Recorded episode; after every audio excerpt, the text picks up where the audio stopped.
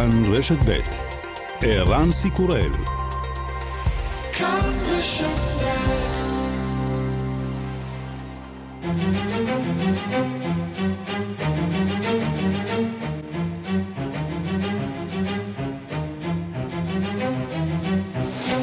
השעה הבינלאומית 15 באוגוסט 2022 והיום בעולם. אחרי ננסי פלוסי עכשיו מגיעה לטיוואן משלחת ובה חמישה חברי קונגרס אמריקנים. הסינים זועמים מצחצחים חרבות וכבר מאיימים בנקמה. 中方将采取坚决有力措施，捍卫国家主权和领土完整。美国少数政客与台独分裂势力沆瀣一气，妄图挑战一个中国原则，不自量力。סין תנקוט צעדים תקיפים וכוחניים כדי לשמור על ריבונותה הלאומית ושלמותה הטריטוריאלית, אומר דובר משרד החוץ הסיני, מספר קטן של פוליטיקאים אמריקנים וכוחות בדלניים התומכים בעצמאות טיוואן פועלים בשיתוף פעולה זה עם זה ומנסים לערער על עיקרון סין האחת. הם אינם מודעים לכך שיש להם גבולות והם נידונים לכישלון. שנה להשתלטות הטליבן באפגניסטן בחוצות כבול חגיגות של אנשי הארגון הקיצוני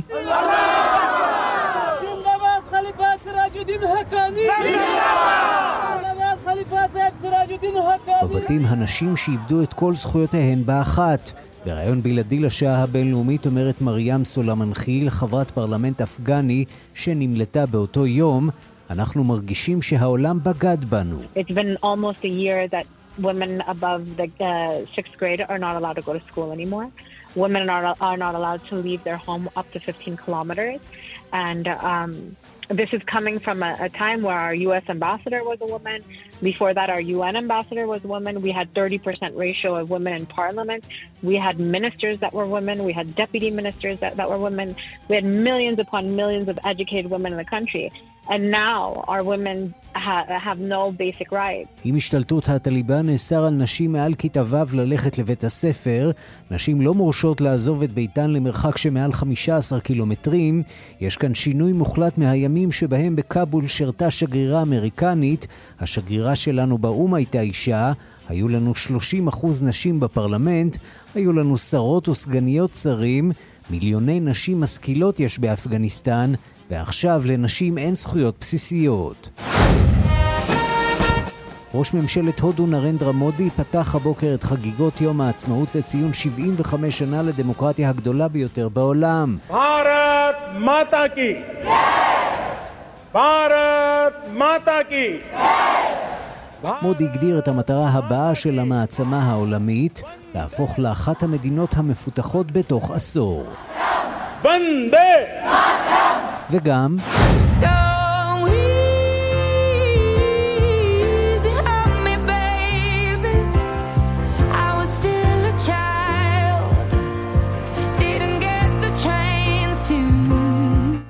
עשרה חודשים חלפו מאז הושק סינגל הקאמבק של אדל, Easy on Me. אתמול הוא חצה רף משמעותי, יותר ממיליארד האזנות בספוטיפיי. זהו השיר הרביעי של הזמרת שמגיע להישג המכובד אחרי Rolling in the Deep, Someone Like You והלו.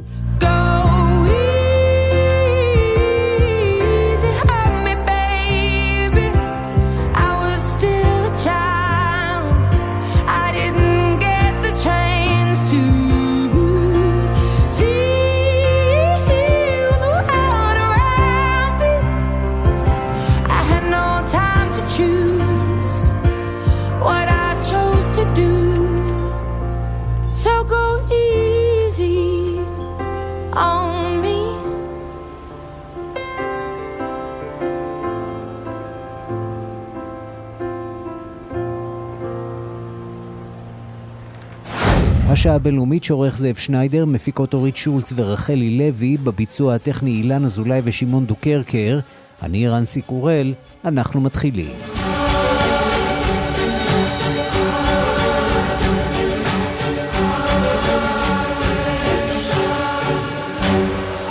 רב לכם. אנחנו ממשיכים לעקוב אחר זפוריז'ה שבאוקראינה, משכנו של הכור הגרעיני הגדול באירופה. המתח והחששות לתאונה גרעינית במקום גוברים לנוכח ההפצצות ההדדיות של כוחות רוסיה ואוקראינה. האוקראינים מוסיפים להוביל שם מתקפת נגד מוצלחת למדי. ייצוא התבואה האוקראינית מהנמל של אודסה נמשך לפי שעה ללא הפרעה, אבל כמויות גדולות של יבול עדיין לא מצליחות לצאת מאוקראינה. תבואה שחסרה מאוד לאזרחי העולם הרעבים. אנחנו פותחים בדיווחו של כתבנו גדעון קוץ. המצב סביב תחנת הכוח הגרעינית בזפוריג'ה המשיך לעמוד במרכז החששות והעניין הבינלאומי, כשהרוסים והאוקראינים מאשימים אלה את אלה באחריות להפגזות שנמשכות מאז החמישה באוגוסט ושעלולות לגרום לאסון גרעיני, הנשיא זילנסקי אומר שמדובר בסחטנות גרעינית מצד הרוסים. Верховній Раді України належить ухвалити рішення про продовження воєнного стану і загальної мобілізації. Очевидне рішення, очевидні причини. אוקראינה... רוסיה מאמינה בטרור ונאחזת בתעמולה שלה כדי לקוות שתוכל להשיג משהו באמצעות צורות שונות של סחטנות, אבל היא לא תצליח.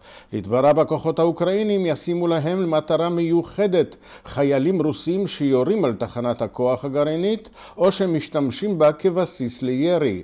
כל מי שעושה כן חייב להבין שהוא הופך למטרה מיוחדת עבורנו ועבור השירותים החשאיים שלנו. זהו אחד הפשעים הגדולים ביותר של מדינת הטרור, אמר. הוא בישר על החלטה צפויה של הפרלמנט על הרחבת מצב החירום וגיוס כללי. ומשום שהרוסים דחו לדבריו את כל מתכונות המשא ומתן שהוצאו להם כדי לסיים את המלחמה, והוא קרא לאזרחי רוסיה לצאת בגלוי נגד המלחמה. אבל האוקראינים עצמם ממשיכים במתקפה בדרום בסביבות זפוריג'ה, בניסיון לבודד את הצבא הרוסי בעיר חרסון. לדבריהם הם הצליחו לנתק את דרכי האספקה לכוחות ממערב לדניפר, כשהוציאו מכלל שימוש שלושה גשרים באזור. רוסיה מצידה הגבירה את הלחץ במזרח, וקרבות קשים במיוחד התנהלו בעיירה פיסקי באזור דונייצק, כשמטרת הרוסים לכבוש את כביש הגישה המהיר מן המערב אל העיר דונייצק, שפונתה מרוב תושביה בהוראת הממשל האוקראיני. הכוחות הרוסים הגבירו את פעילותם והפצצותיהם ליד סיברסק. מטרה הכרחית של האוקראינים היא להעביר לשם כוחות מן הדרום כדי להקל על הלחץ על יחידותיהם. הרוסים ירו גם על הערים הגדולות, חרקיב וקרמטורסק. שם תושבים רבים רוצים לעזוב כבר עכשיו, אומר רומן קובלנקו, בן ה-19. Когда с фронта придут новости о том, что под вот этими вот окрестными селами по Славянске был прорыв, и когда уже непосредственно к самому Славянску, вот, скажем так, в упоре они будут, вот как километры. כשהרוסים יגיעו לפרברי סלוביאנסק, אברח מקרמטורסק אם תהיה לי הזדמנות, לא צפויים לנו חיים נורמליים כאן, לא במהלך המלחמה ולא אחר כך. האוקראינים מצידם ירו על עיירה בדונבאס שבה ביקר מייסדן של מיליציות וגנר, יבגני פריגוז'ין, מקורבו של פוטין, אך לא ברור האם הוא או אנשי המיליציה נפגעו. בינתיים נמשכים משלוחי התבואה האוקראינית מנמל אודסה כסדרם. על פי ההסכם שהושג באמצעות טורקיה, שתי ספינות טעונות נוספות יצאו אתמול, מה שמביא את מספרן עד כה ל-14. ראש רשות הנמלים דימיטרו ברינוב אומר כי 25 מיליון טון תבואה כבר יצאו ועד ספטמבר צריך לייצא עד 20 טון כדי להגיע למספרים של השנה שעברה. For calculation of our Minister of Economic, it give us more 20 or even 25 million tons. So altogether we need to export 45 million tons. הבעיה, מתלוננים החקלאים, היא שמייצאים בינתיים בעיקר את העודפים שהצטברו, והיבול של השנה הולך ומצטבר.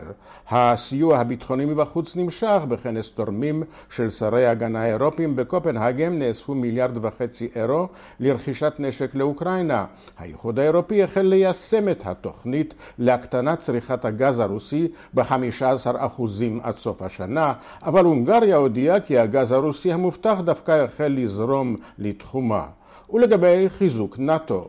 נשיא צרפת מקרון חתם על מסמכי אשרור צירופן של שוודיה ופינלנד לברית, לאחר שלפני שבועיים אישר הפרלמנט הצרפתי את צירופן של שתי המדינות. בשבוע שעבר חתם הנשיא ביידן בשם ארצות הברית על האישור האמריקני, כאשר כל שלושים המדינות החברות יחתמו על מסמכי האשרור, יושלם הליך צירופן של פינלנד ושוודיה לברית. כאן גדעון קוץ.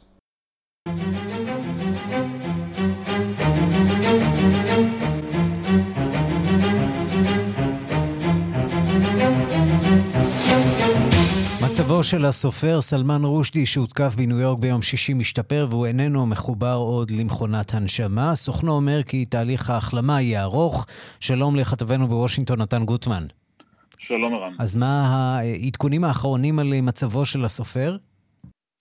אה, מבחינה רפואית הוא כנראה משתפר, הוא כבר אינו מחובר אה, למכונת אה, הנשמה והסוכן שלו אומר שזה יהיה תהליך ארוך אבל שהוא מתחיל להשתפר, הוא סובל מפציעות דקירה רבות בגופו כולל בראשו אבל שהוא מתחיל להחלים ושהדרך הזאת תהיה ארוכה, החדשות הטובות הן שחייו אינם בסכנה, מעניין לראות גם שבאיראן מתחילות להגיע תגובות רשמיות ראשונות ובאופן צפוי, יש לומר, האיראנים מאשימים את רושדי עצמו במה שקרה, הם אומרים שהוא ותומכיו אשמים במה שקרה לו ושחופש הביטוי אינו מצדיק את העלבונות של רושדי כלפי הדת המוסלמי או כלפי אה, גורמי דת.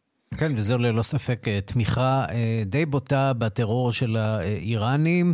בואו נעבור מכאן אה, לאפגניסטן. ארה"ב מציינת השבוע שנה לנסיגה מאפגניסטן. הרפובליקנים פרסמו דוח שמבקר את הנסיגה החפוזה, ובו הם מזהירים מעליית כוחו של הטליבן, בעוד הממשל הוא מנסה להציג נרטיב הפוך, ולפיו הנסיגה סייעה לאמריקה. אז מה האמת? טוב, האמת אה, היא כנראה נמצאת איפשהו באמצע כמו תמיד, אבל um, אין ספק שעכשיו, שנה אחורה, כולנו זוכרים את התמונות של הנסיגה החפוזה מאפגניסטן, וגם uh, תומכי הממשל הנלהבים ביותר לא יכולים להציג אותה כהישג או כניצחון. הדוח הזה של הרפובליקנים בוועדת החוץ של בית הנבחרים בעצם מציין הרבה מהמובן מאליו, את העובדה שהתכנון לא נעשה כפי שצריך, שברגע האחרון אה, הפינוי ברגע האחרון הוביל לפגיעות, כולל אה, פגיעות כמובן בנפש של אה, חיילים אמריקנים שנהרגו בפיגוע בכאבול ושל אפגנים רבים שסייעו לאמריקנים. מציינים את העובדה שם שהרבה חיילים אפגנים שהוכשרו על ידי האמריקנים נאלצו להימלט לאיראן ושם נמצאים בסיכון להיות מנוצלים על ידי הצד השני ובאופן כללי הם אומרים מדובר בכישלון אסטרטגי, כלומר לא רק אה, פינוי לא מוצלח מהשטח, אלא כישלון אסטרטגי לארצות הברית. ממשל ביידן גם הוא מגיע מוכן אה, לאירועי הציון האלה של יום השנה, אה, הם מפיצים נקודות לדיון, שבהם הם מדברים על הנסיגה מאפגניסטן כהצלחה מבחינה אסטרטגית, הם אומרים שהוצאת החיילים מהקרקע לא שינתה דבר בשטח, ולהפך פינתה חיילים אמריקנים למשימות אחרות, וכמובן מציינים את העובדה שהחיסול של אימן א-זוואירי מראשי אל-קאעידה על אה, אדמת אפגניסטן, מוכיח שארצות הברית לא איבדה את יכולות הטיפול שלה בטרור בשטח, גם כשהיא לא שם על הקרקע. וכשמתבוננים אה, שנה אחורה, אפשר כבר להעריך את ההשלכות שהיו למהלך הזה על הקריירה הפוליטית אה, של נשיא ארצות הברית אה, ג'ו ביידן. מהנקודה הזו במידה רבה החלה ההידרדרות שלו. יכול להיות שעכשיו קצת רואים שיפור, אבל זה לקח שנה אולי טיפה להתאושש מהמשבר הזה, נכון? אה, כן, למרות שהנתונים, האירוע הזה קרה פחות או יותר גם כאשר האינפלציה התחילה לעלות, והאם זה מה שפגע בפופולריות של אה, ג'ו ביידן בקרב הציבור, או שזה דווקא מצב הכלכלה, יהיה קשה להפריד בין שני הדברים האלה. בסופו של דבר, אה, למרות שהמספרים שלו קצת משתפרים עכשיו, הם עדיין מאוד נמוכים, אני חושב שבאופן יותר מהותי זה פגע בתדמית שלו בנקודה החשובה ביותר, והיא שהוא איש אה, מדיניות החוץ. אה, זה שאפשר לסמוך עליו, וזו נקודה שביידן מנסה לתקן מאז. כי היו כאלה שאהבו אותו, היו כאלה שלא אהבו אותו, וכולם הסכימו שיש לו הרבה ניסיון ושיקול דעת בתחום מדיניות החוץ, ואז בא מהלך הנסיגה הזה והטיל אה, ספק על, ה, על הקביעה הזאת, וזה בעצם המאמץ הגדול של ביידן מאז, להוכיח שהוא עדיין המבוגר האחראי ושהממשל שלו הוא עדיין השקול. הטיפול במלחמה באוקראינה הצליח במידה מסוימת לשפר את זה, אבל זה נושא שהוא יצטרך להמשיך להיאבק עמו. ואכן המבחן האמיתי יהיה גם המלחמה באוקראינה וגם האתגרים הגדולים מול סין. הלילה אנחנו שומעים על עוד חברי קונגרס אמריקנים שמגיעים לסין ומצליחים לעורר את חמתה, שמגיעים לטיוואן ומצליחים כמובן לעורר את חמתה של סין. לא נראה שג'ו ביידן שולט בזרם האורחים שמגיעים לטאיפיי. אני לא חושב שהוא שולט, אני לא חושב שהוא גם מעוניין לשלוט בזה.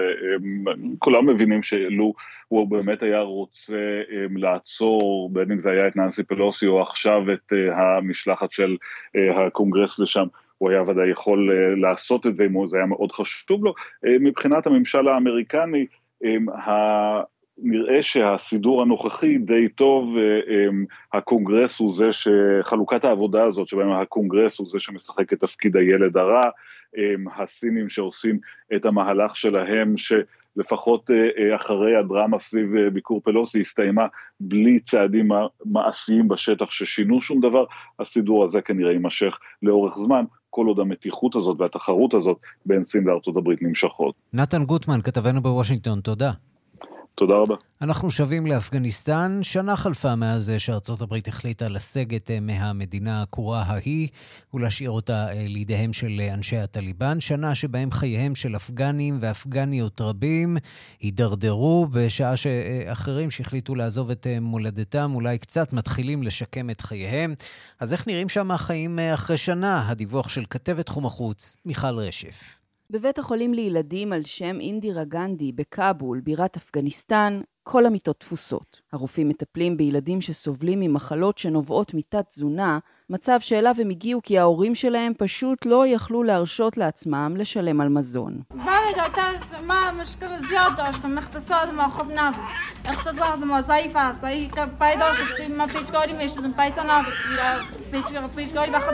יש לנו בעיות כלכליות, אנחנו עניים מאוד, סיפרה מרים, אם לפעוט בין שנה וחצי לסוכנות הידיעות רויטרס. לא אכלתי מספיק במהלך ההיריון, לא יכולתי לקנות את התרופות שהוא זקוק להן, ולכן הילד שלי הגיע למצב של תת-תזונה. אין לי כסף לטפל בבן שלי בצורה טובה יותר. תת-תזונה בילדים תמיד הייתה בעיה באפגניסטן, אולם לפי נתוני ארגון יוניצף, בשנה האחרונה המצב החמיר. הנסיגה של ארצות הברית מאפגניסטן כללה גם עיצומים, הקפאת נכסים והפסקה של הסיוע הכלכלי ממדינות רבות, מה שהוביל את המדינה הענייה לסחרור, לקריסה כלכלית ולסף רעב. למצב הזה הצטרפה גם בצורת קשה. לפי הערכות, למעלה ממיליון ילדים בני פחות מחמש באפגניסטן יסבלו מתת תזונה חמורה ב-2022. מספר הילדים המאושפזים כתוצאה מהמצב הזה קפץ בשנה החולפת מ-18 אלף ילדים ל-28 אלף. 43% מהאפגנים מספרים שהם אוכלים ארוחה אחת ביום בלבד. שנה לשלטון טליבן ואין אף מדינה שמכירה בו שנותנת לו לגיטימציה. מצבם של האזרחים שם הולך ומידרדר, והחירויות שעוד נותרו להם, ובעיקר להן, רק מצטמצמות.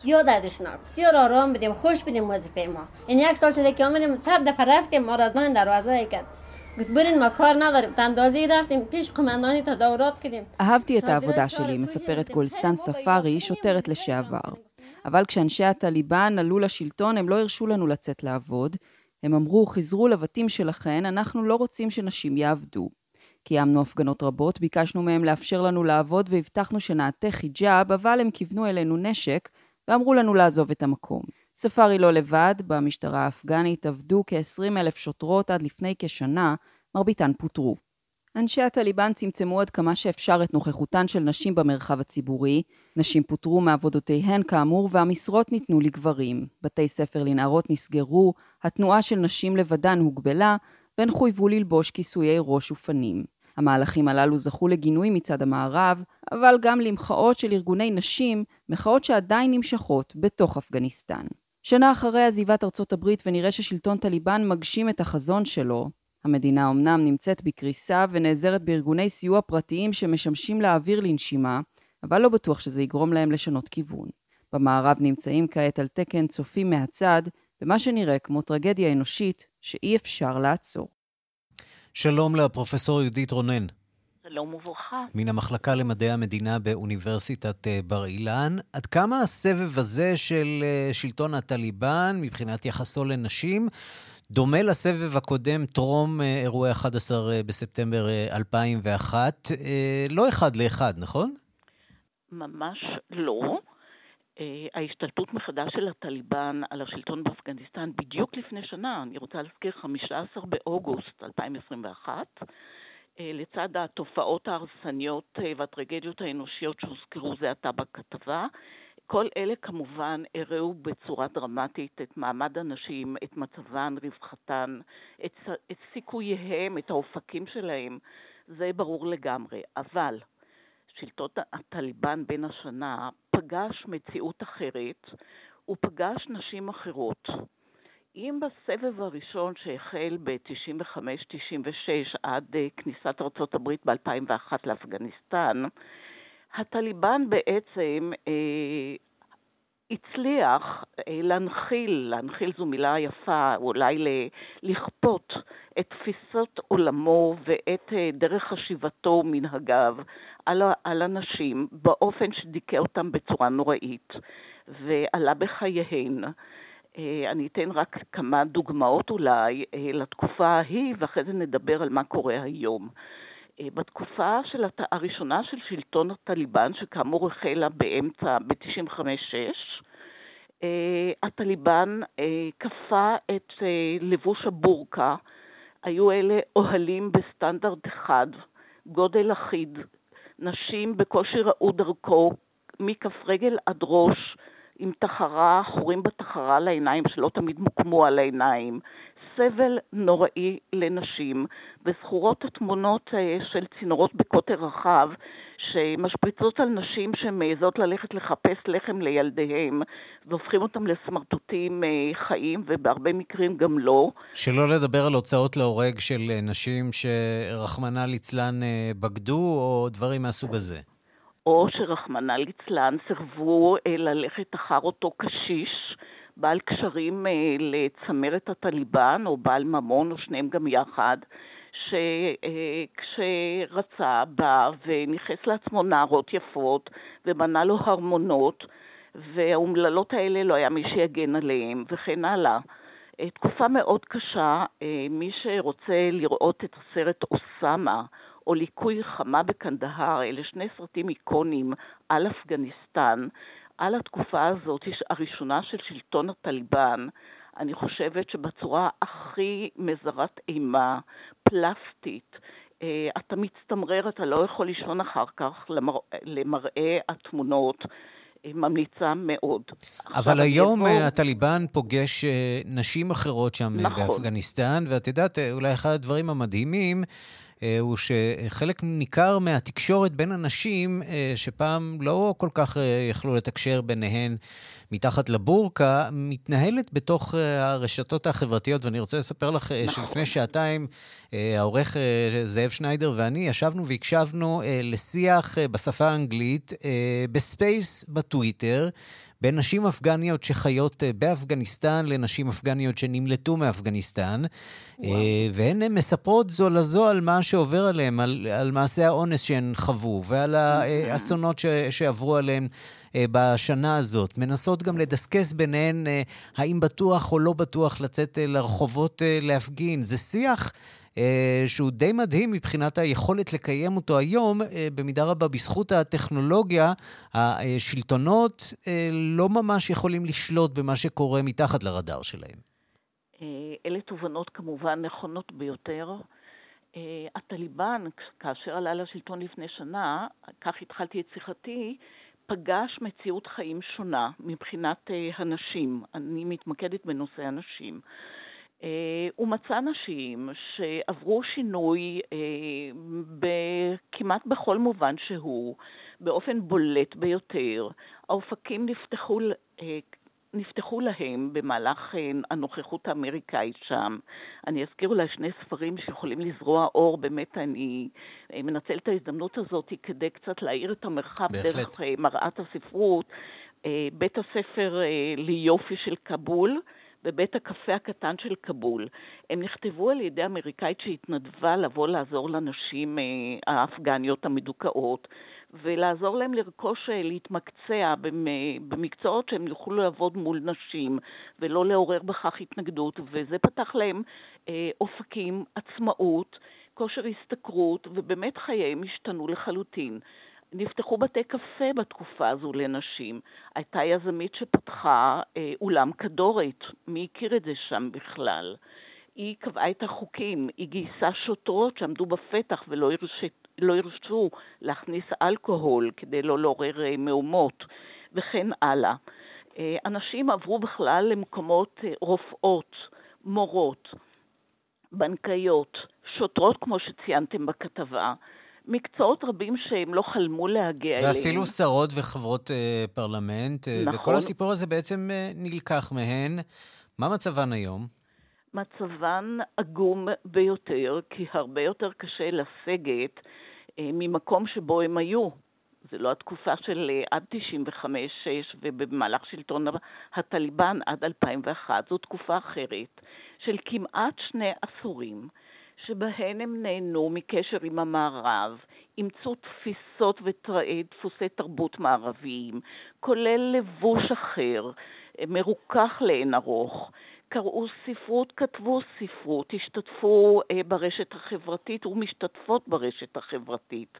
אה, רבות מהן היגרו, נמלטו, אגב אסור אה, לצאת מאפגניסטן, נמלטו למערב ומשם, כפי שציינת, כל כך, זה כל כך חשוב הקשר הזה, כי הרשת החברתית מספקת בימה לקשר שוטף, להנחלת ערכים, להעצמה נשית, לעידוד הפגנות וכן הלאה וכן הלאה. אגב, בעקבות הספייס הזה, מחר אנחנו נביא אה, שיחה עם אה, מי שהייתה חברת פרלמנט אה, אפגני, אה, רעיון אה, די מדהים עם הגברת הזאת, שמספרת על החיים שעברו עליה בארצות הברית, אה, הרחק אה, אה, היא הצליחה להימלט אה, משם באמת אה, אה, בעור שיניה ביום האחרון, ממש היום לפני אה, שנה.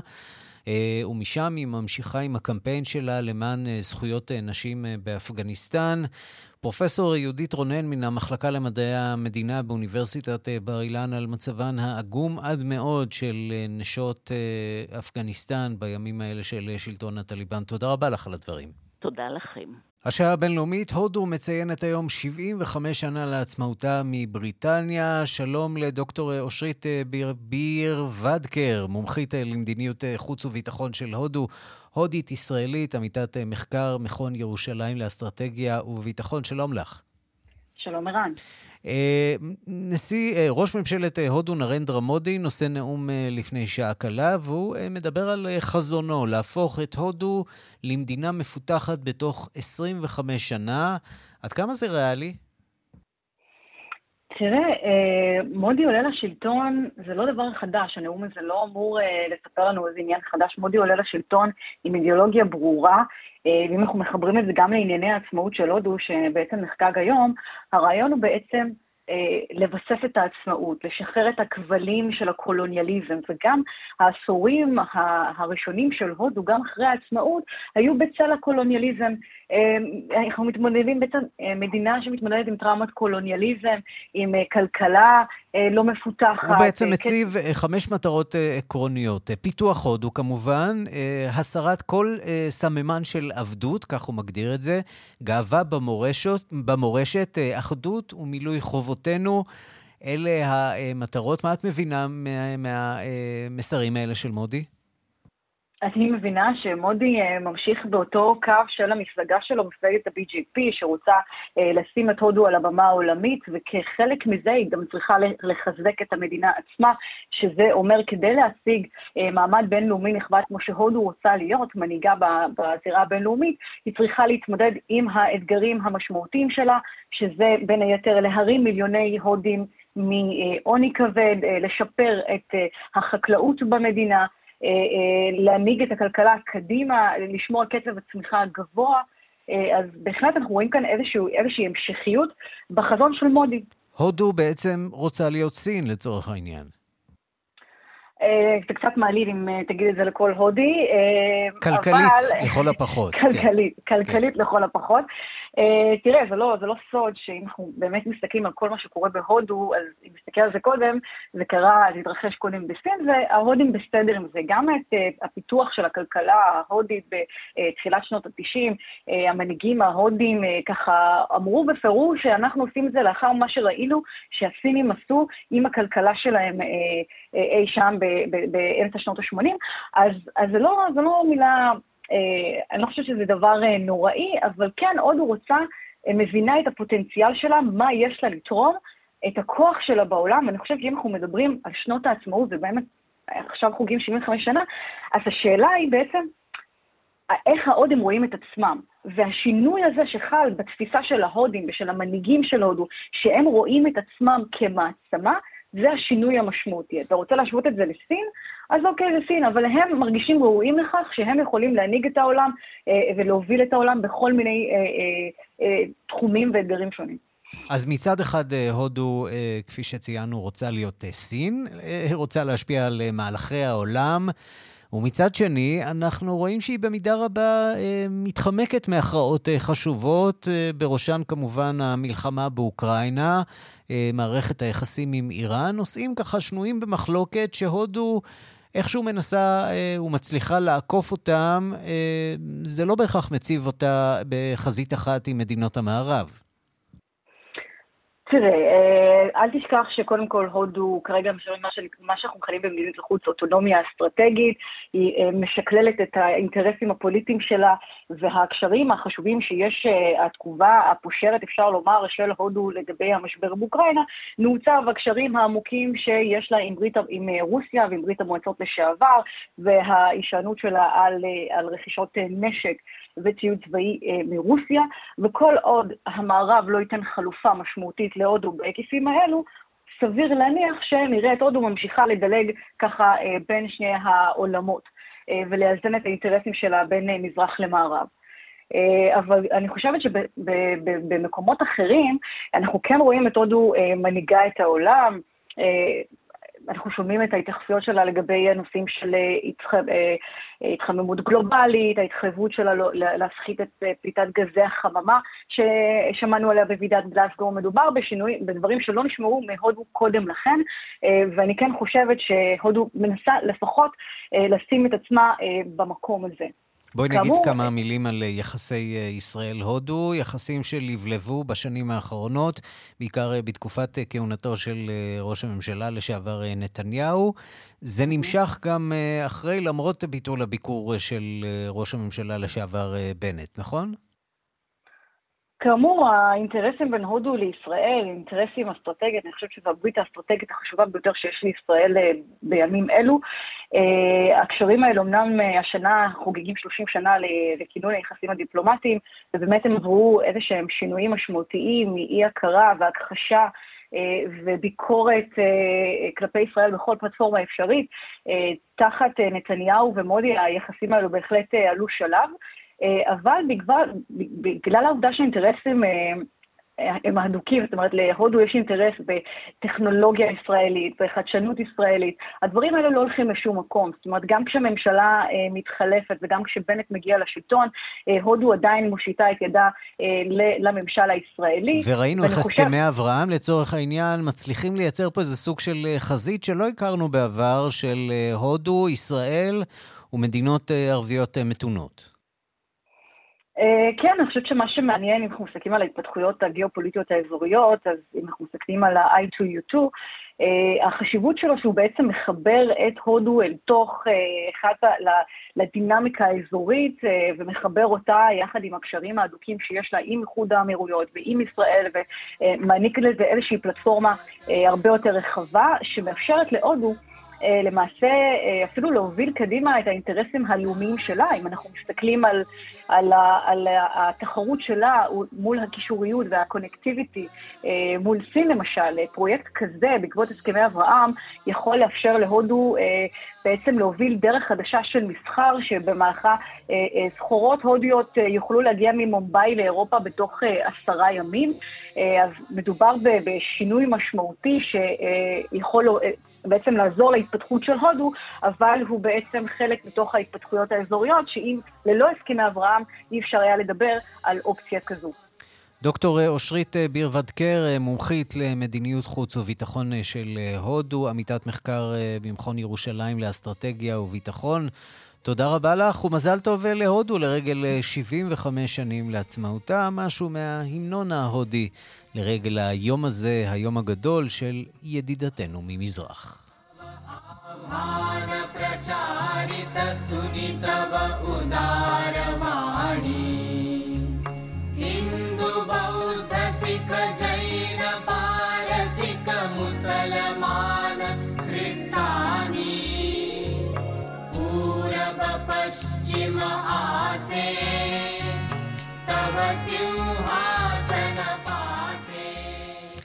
ומהודו אנחנו עוברים לשכנה קרובה הרבה יותר, ירדן, שם מחירי הדלק שוברים שיאים והתושבים מתחילים לעבור לרכבים חשמליים.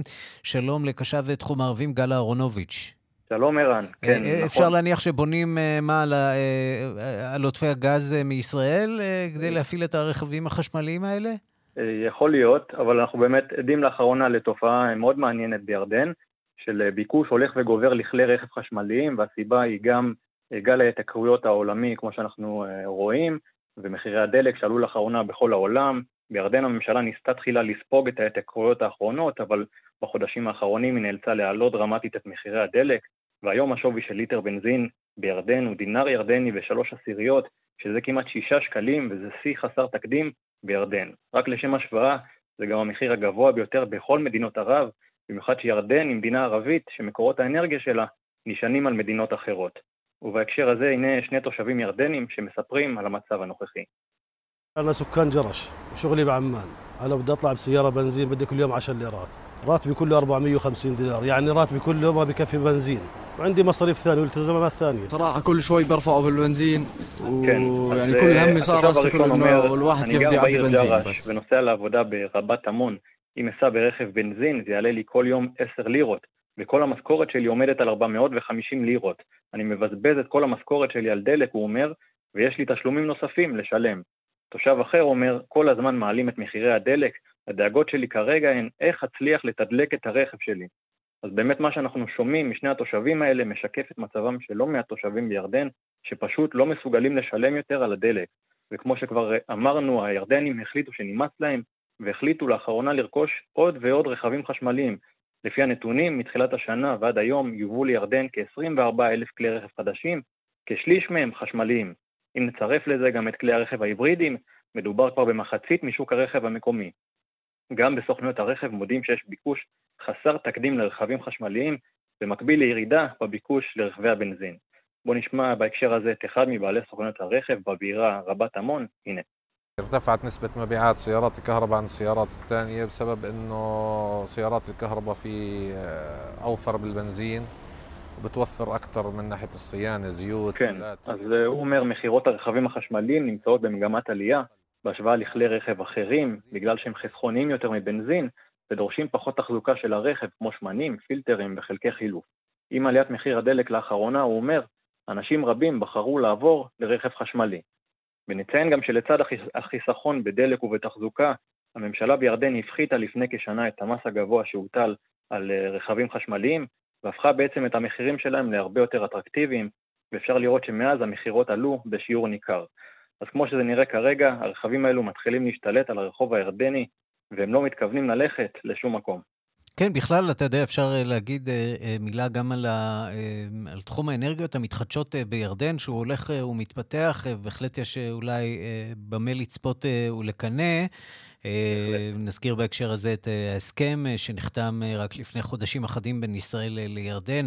במסגרתו ישראל מוכרת לירדן 200 מיליון מטרים מעוקבים של מים מותפלים בשנה, והיא רוכשת ממנה חשמל סולארי בהיקף של 600 מגוואט, כך שהירדנים יודעים לנצל היטב את המשאב שיש להם בידיים, השמש. גם לנו יש מה ללמוד מהם. אולי נלמד מהם, נכון. ללא ספק. תודה רבה לך. גל אהרונוביץ'. השעה הבינלאומית בבלגיה מציינים היום 55 שנה למותו של הצייר רנה מגריט, האיש בעל פני התפוח. שנה לפני מותו הוא ביקר כאן בירושלים. כעת שוב אפשר לראות תערוכה מרהיבה מיצירותיו שהגיעו מרחבי העולם למוזיאון ישראל. שלום לחוקרת התרבות מירי קרימולובסקי. שלום, שלום, ערן. טוב, סוריאליזם בירושלים זה לא מחזה כל כך אה, נדיר, אבל הסוריאליזם של מגריט הוא בכל זאת אה, סוריאליזם אחר. נכון, האיש שצייר את עצמו עם top hat, עם כובע, ובמקום פנים תפוח. כמובן הציור המפורסם שלו, שהוא מצייר מקטרת והוא כותב ססינה פאון פיפ, זה לא, זה לא מקטרת. אה, הצייר הזה, יש לו סיפור מעניין עם ישראל, הוא ביקר כאן למעשה שנה אחרי שפתחו את המוזיאון, את המוזיאון פתחו בירושלים ב-65 את מוזיאון ישראל, שנה אחר כך הוא הגיע לכאן, הוא היה אורח כי הייתה תורמת אמריקנית שקנתה עבור המוזיאון ציור שלו, והוא כתב אגב אחר כך את חוויותיו, הוא כתב שהיו דגים טובים בכנרת, שהוא היה בנצרת וקצת ירו עליו, אבל אה, היה לו זיכרון מאוד טוב. כבר אז הייתה בעיה של משילות. כנראה, והוא למרבה הצער, שנה אחרי שהוא חזר הביתה, הוא באופן פתאומי, הוא קיבל סרטן הלבלב, הוא הלך לעולמו, אבל הביקור הזה היה ביקור מיוחד, אה, כי אה, היה אספן, הארי טורצ'ינר, אספן מאוד מאוד חשוב, שיהודי עמיד מאוד מארצות הברית, שיצר איתו קשר, ולמעשה היום אחת התמונות הכי יפות שלו, טירה בפירינאים, תמונה עצומה, שהייתה של טורשינר נשלחה ליום הולדת של המוזיאון 20 שנה אחר כך, ב-85, והיום הם הצליחו להביא, זאת תערוכה לא גדולה, אבל היא מקסימה, ואגב היא גם מהפנטת ילדים כמובן. והם הצליחו להביא גם מבלגיה, אפילו מהאוסף המלכותי, וגם עבודה של ג'ף קונס. ג'ף קונס, שהוא היום כבר ידיד גדול של ישראל, גם הוא שלח תמונה של מין סלע מרחף ומעליו אה, אה, ענן. ומגריט ב-65, קצת לפני באמת שהוא הגיע לכאן, התראיין, בוא נשמע קטע קצר מראיון איתו. Ah, mais les réactions du public sont, comme d'habitude, euh, la moquerie ou bien l'incompréhension ou la fureur. Les, les hommes n'aiment pas ce qui ne s'explique pas. Mais les hommes, non, ils aiment leurs habitudes et peut-être ont-ils raison, je ne sais pas. הוא שואל אותו מה אומר הקהל על היצירות שלך, אז הוא אומר, אתה יודע, הציבור כרגיל, יש כאלה שלועגים, יש כאלה שמבינים, יש כאלה שזועמים, רק אולי אני אזכיר שממש לפני איזה שנה או שנה וחצי בלונדון, בסוטביז, נמכרה יצירה שלו ביותר מ-80 מיליון אה, דולר, ועדיין באמת יש משהו קסום. בעבודות שלו ובאוצרות הנפלאה של אפרת אה, אהרון, אז כאמור, אה, אם מחפשים איזשהו בילוי קר וגם לציין את באמת את אה, מותו, לצערנו, של האיש הזה, שהיה אגב לא מאוד מבוגר, הוא היה בן 69, בתערוכה הקסומה הזאת, של עננים מרחפים ואבנים וסלעים מרחפים אה, באוויר במוזיאון ישראל בירושלים. מירי קרימולובסקי, תודה. תודה לך, ערן.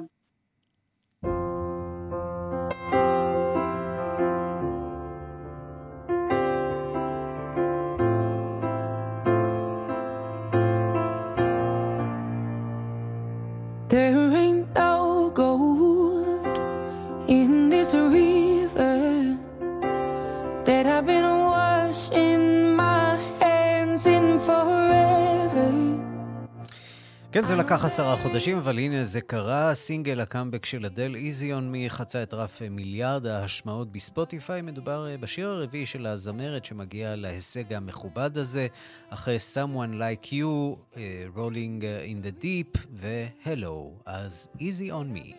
Washing my hands in forever. I know there is hope in these waters,